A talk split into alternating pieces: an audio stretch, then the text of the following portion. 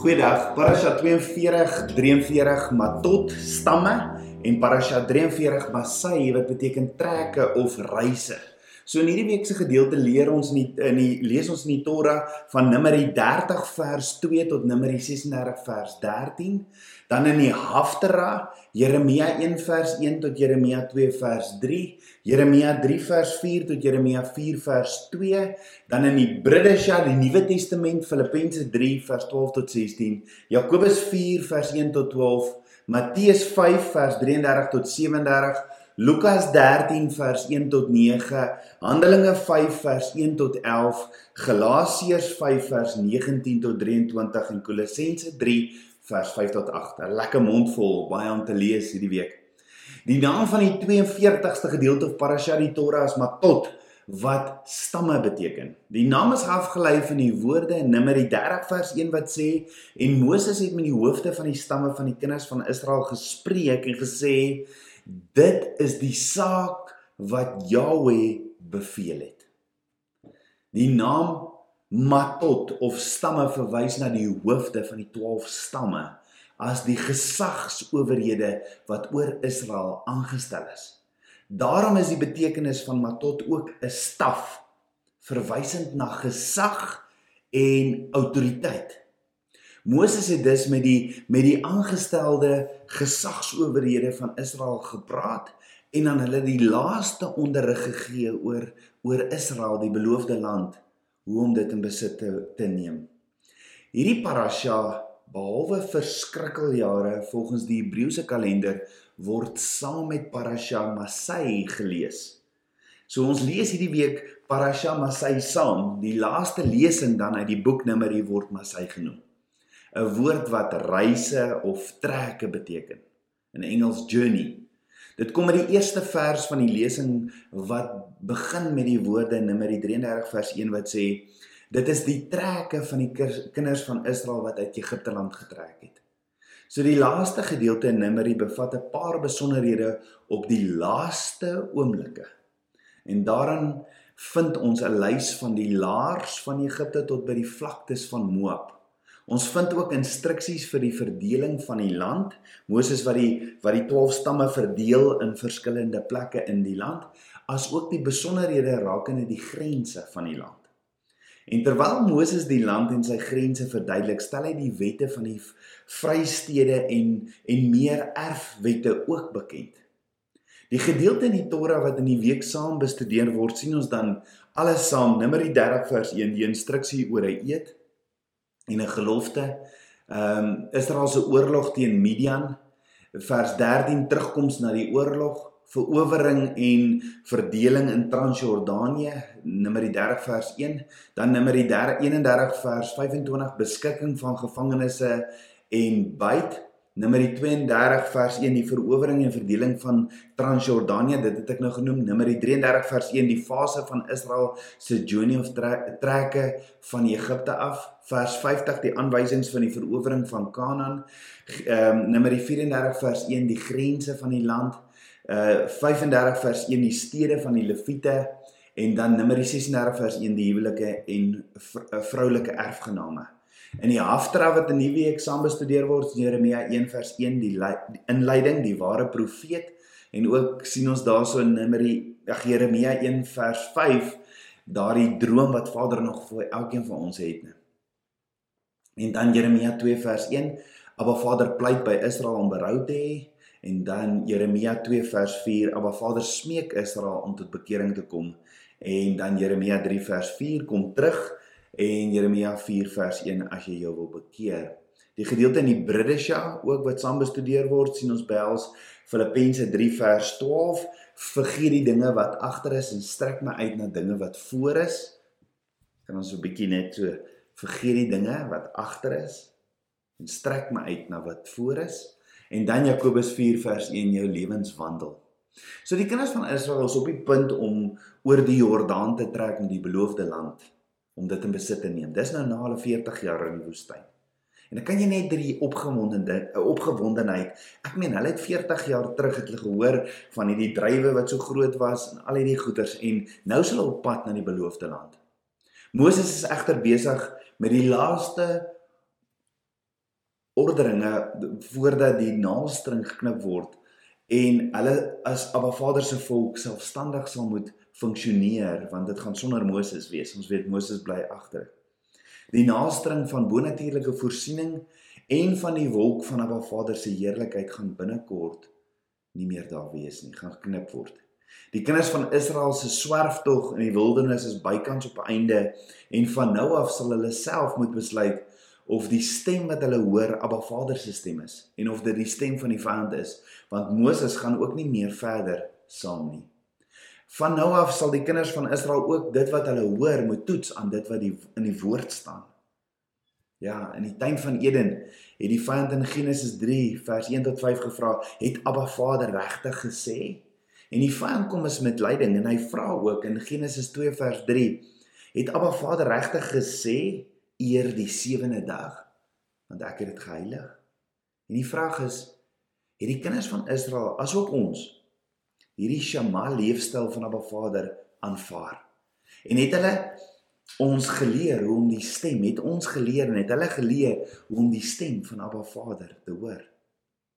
Net die feit dat soveel mense Yeshua verkeerlik quoteer en aanhaal dat hy die instruksies of die wette van Abba Vader kom wegvat het wys mos hoe maklik dit is om die stem van die Vader nie na te luister nie of na die stem van die Vader van die leuen na te luister. So in hierdie parasha ontvang Moses sy laaste opdrag voordat hulle die land kan binnegaan.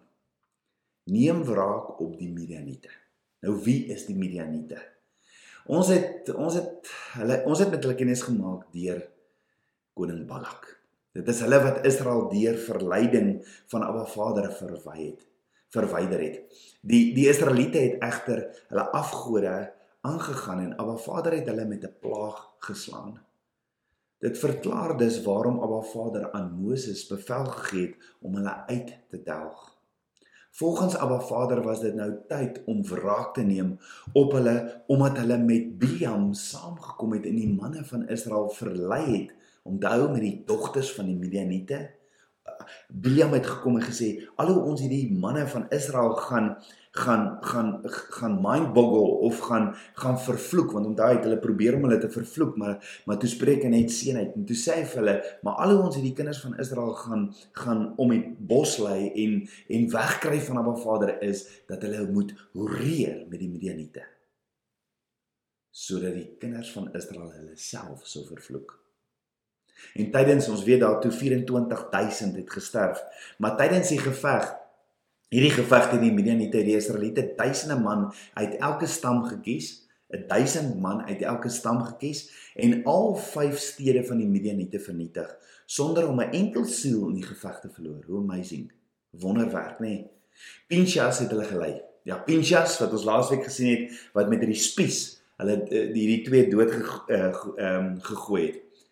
En Pinchas het hulle gelei die oorlog in vanweë die onmiddellike aanspraak op die roem wat hy bekom het toe hy die plaag met sy regverdige ywer stopgesit het. Maar hier is die ding. Toe hulle toe hulle teruggekeer het van die oorlog, het hulle nie 'n high five van Moses gekry nie. Nee. Ons lees hier so moede Moses was woedend. Hoekom? Hoekom was Moses moedig? Woedend. Omdat hulle nie dieselfde vroue doodgemaak het wat hulle verlei het om mee te begin nie. Hulle het die mans doodgemaak, die oorlog gewen, maar die vrouens wat hulle verlei het, het hulle gelos. En toe het Moses van hulle vereis onmiddellik alle vroue wat by 'n man was dood te maak, ongeag haar ouderdom, en hy het al die meisies wat minderjarig was laat lewe. En die vraag, die vraag is, waarom was Moses ontstel? Hoe is dit van toepassing op ons vandag en wat is die geestelike beginsel wat Vader in ons in sy woord vir my en jou wil leer? Hierdie deel van die verhaal leer ons 'n groot geestelike beginsel. Want sien die enigste manier om die versoeking werklik te vers, te te te verslaan is om die wortel en die bron daarvan heeltemal te vernietig. Moses het het het laat lewe die minderjarige meisies wat hulle kom wat wat hulle kon opgelei word in die weë van Abba Vader en hou dan so geen bedreiging in vir die mans as hulle ouer word nie op dieselfde manier wat die Midianiete uitgeroei geroei die op dieselfde manier wat die Midianiete uitgeroei was moes ons sorg dat ons geen onaangeroer ehm um, wat laat staan nie. Uh, en ons moet net so in ons lewens geen plekkie vir die vyand in ons lewens los nie. Ons moet 'n geveg opsit. Of dit nou depressie, de, depressiwiteit is, angs, welis en woede. Ons moet alle bronne vernietig waaruit sondes voortspruit.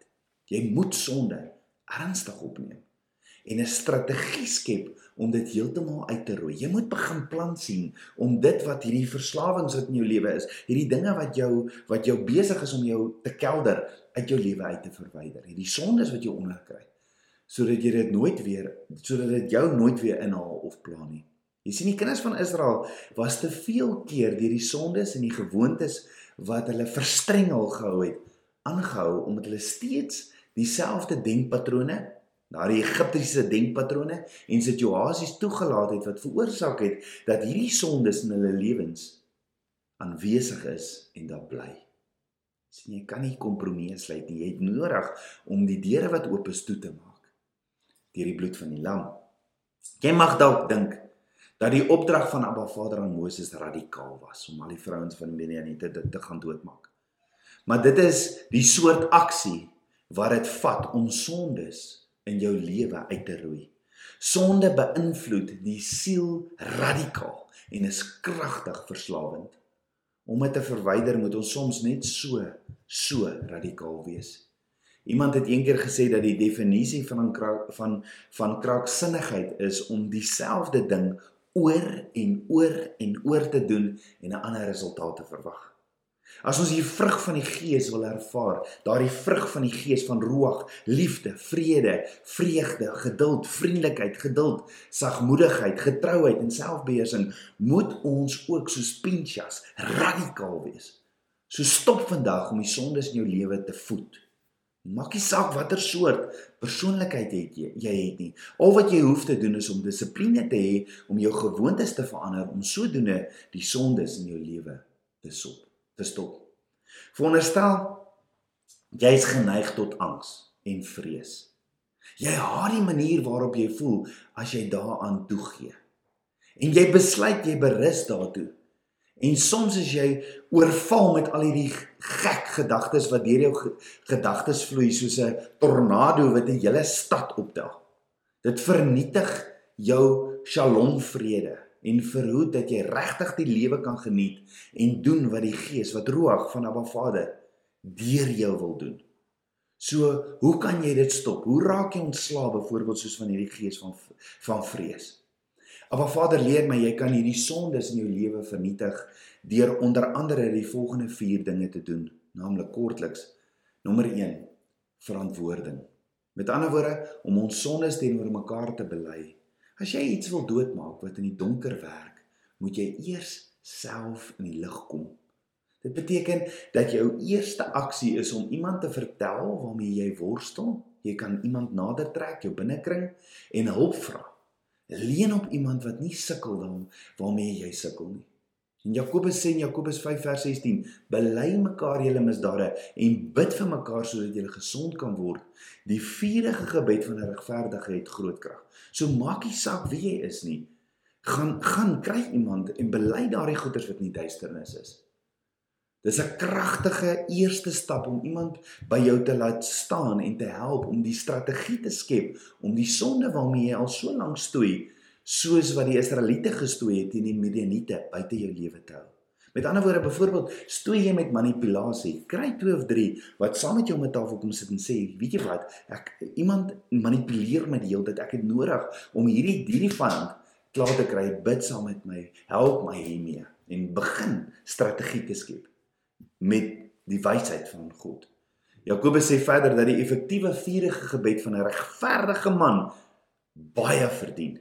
So soek iemand wat saam met jou bid as jy dit in die lig bring, maar ook iemand wat toegewyd saam met jou die geveg in die gees sal aandurf tot oorwinning tot by die eindstreep. Nommer 2: Verander wat jy glo. Jy sien ons doen wat ons glo. Ons eet byvoorbeeld as ons glo dat ons honger is. As die brein dink dat hy nie honger is nie, sal hy nie kos hê nie. En dit gaan nie oor oor die werklikheid nie, dit gaan oor wat jy glo. Die meeste mense haat nie sonde soos Abba Vader sonde haat nie. En en hierin lê die probleem. Hulle sien nie die skade, die vernietiging en die mag wat dit het oor 'n persoon soos wat Abba Vader dit sien nie. En dit beïnvloed geslagte nadat hulle lankal verdwyn het. So hoe verander jy wat jy glo? Jy moet verander wat jy in jou gedagtes plaas. Daar is 'n ou gesegde in die in in die rekenaarswêreld wat sê vullis in, vullis uit. Met ander woorde, jy kan nie meer uit iets, jy kan nie meer uit iets uithaal as jy ingesit het. Jy kan nie meer iets uithaal as wat jy ingesit het nie. In hierdie geval self, as jy weet dat iets intellektueel verkeerd is en jy nie meer so wil wees nie. Met ander woorde, as jy sonde aanhou, as sonde aanhou terugkom, is dit omdat daar 'n wortel is. Daar is 'n voeding vir die sondes wat bly terugkom. Ja, jou geloofstelsel is in die gedrang gebring. Om dit reg te stel, moet jy eers jou hart gaan ondersoek. Jy moet toestemming gee dat Abba Vader in jou hart kan kan on, ondersoek en vir jou wys waar is die geloofstelsel wat jou negatief beïnvloed het. En dis wat Dawid gedoen het. Dawid sê in Psalm 139 vers 21: Vader, deurgrond my hart. Abba, wys vir my of daar enige geloofstelsel is wat negatief is en kom wys vir my dat my fokus net gerig is op U. Dalk het dit gekom deur 'n trauma. 'n Trauma episode in jou verlede. Of 'n generasie probleem wat jy wat jy oorgedra het. Of dalk net persoonlike sonde of verslawing. Soek die bron en bely dit en vra Abba Vader om jou te verlos van die pyn. Baie keer is die sonde nie die wortel nie, maar pyn is. Genees die pyn en die sonde verdwyn. Dit kan 'n moeilike proses wees wat dalk 'n vriend of hulp van 'n beraader benodig. Maar wanneer die Gees die pyn begin genees, kan jy kan jy jou verstand vernuwe. Paulus sê in Romeine 12 vers 1 tot 2: Ek vermaan julle dan broeders by die ontferming van God dat julle julle liggame stel as 'n lewende, heilige en aan God welgevalle offer. Dit is julle redelike godsdiens en word nie aan hierdie wêreld gelyk van 'n magie, maar word verander deur die vernuwing van julle gemoed sodat julle kan beproef wat die goeie en welgevalle en volmaakte wil van God is. Sodra die wortel ontdek is, vul die leemte met die woord van Abba Vader. Jy deursoek die woord na alles wat jy op die onderwerp van hierdie sonde kan vind en skryf al die skrifte neer en lewer dit daagliks op. As daai vyand kom om jou aan te val, dan haal jy daai skrifte uit. Jy memoriseer dit en herhaal dit die hele hele tyd. Dis hoe Yeshua die vyand oorwin het toe hy die uit die woestyn uitgekom het na sy 40 dae vas. Hy het die woord geken. En daarom moet ons weet, ons moet die woord ken, want die vyand ken ook die woord. As die sonde dan opkom, haal jy eenvoudig die woord aan totdat die sonde uit jou lewe verwyder is of dood is. Punt nommer 3: kry 'n ewige perspektief. Volgens my ervaring is dit een van die kragtigste stappe wat jy kan neem. Ons is so gewoond daaraan om binne tyd en binne in ons eie lewens bubbels in ons eie bubbels te leef dat ons vergeet dat ons ewige wesens is. Ons vergeet dat elke aksie wat ons nou neem 'n ander werklikheid skep wat op ons sal wag wanneer ons sterf. As ons ons gedagtes op die ewige rig, sal baie kwessies in ons lewens 'n vergelyking wegsmelt, 'n vergelyking wegsmelt. As ons die engele wat aan ons op, opgedra is kon sien wat ons oral volg en kyk na alles wat ons doen en sê sal ons baie dinge in ons lewens verander. Onthou selfs ons het laasweek gesien eh, of twee weke terug gesien selfs die, die profeet Biliam daar was 'n engel wat hom beskerm het dat hy nie doodgaan nie. As ons Abba Vader regtig geglo het en gevrees het omdat ons geweet het dat elke woord beoordeel sal word en elke gedagte op die oordeelsdag sal verskyn, sou ons onmiddellike veranderinge sien en die sonde sou weggeskram, wegskram sonder om terug te keer. Ons het bloot die perspektief van die hemel en die gees nodig om te verstaan dat ons nie vir hierdie aarde leef nie. Ons hou een eenvoudig 'n ewige onderhoud. Nommer 4 word radikaal. Partykeer mense gaan dink jy's van jou kop af, maar word radikaal. Die laaste paar verhale in Numeri handel oor radikale persone. Joshua.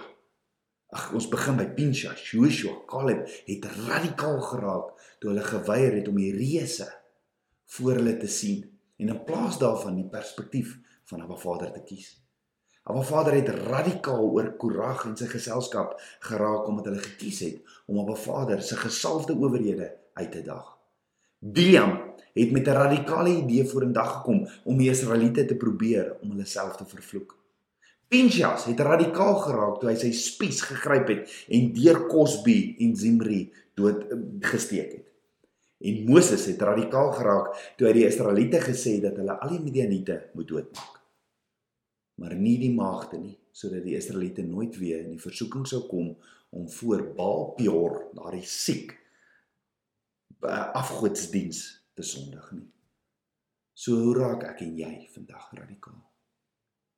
Hoe raak ek en jy vandag in Suid-Afrika in 'n tyd van COVID en 'n tyd van goeders? Hoe raak ek en jy vandag radikaal?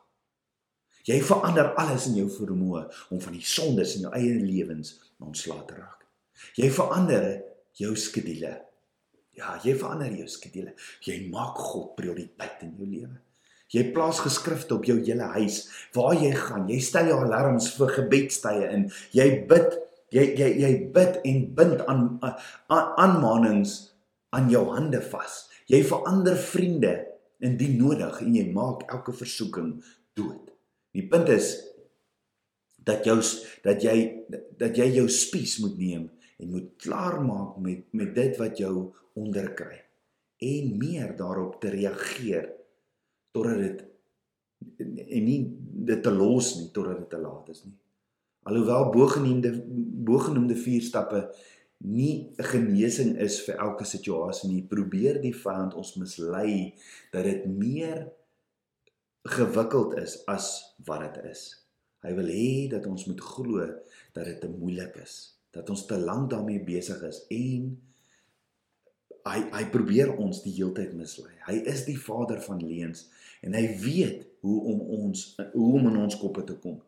Juist daarom moet ons elke gedagte gevange neem en ons gedagte voortdurend vernuwe met die waterbad van Vader se woord. Uiteindelik, as jy dan slaag om die Midianiete, die sondes te vernietig in jou lewe, is daar goud. Is daar goud? Glo jy dit, Tabernakels kind van Allah? Daar's silwer, daar's edel metale, stede wat jy nie gebou het nie, putte wat jy nie gegrawe het nie ensovoorts. Waarmee jy eindig is jou erfenis ryk vir inname.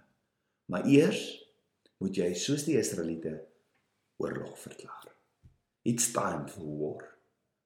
Authority does not make you a leader. It gives you the opportunity to be one. Kom ons bid saam.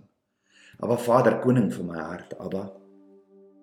Is 'n is baie inligting wat U vir oggend vir ons gee uit U woord uit, maar Vader, ek wil radikaal wees vir U. Ek loof en prys U, Aba, want U is 'n amazing God. Vader, ek wil soos Pinchas, ek wil soos Joshua, Caleb, Moses wees, radikaal vir U.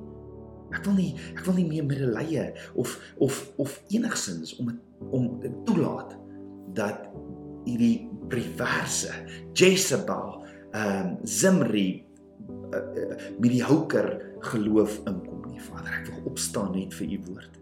Vader, ek wil klaar maak met die Midianiete, die aanhoudende sondes in my lewe.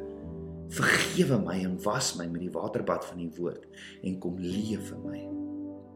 Want ek wil radikaal wees vir u. Meer en meer van u. Dankie Vader vir u woord. Ek bid u seën oor elkeen. Ek bid dit alles in Yeshua, Hamasieg se naam, die seun van Jahweh. Amen. Shalom.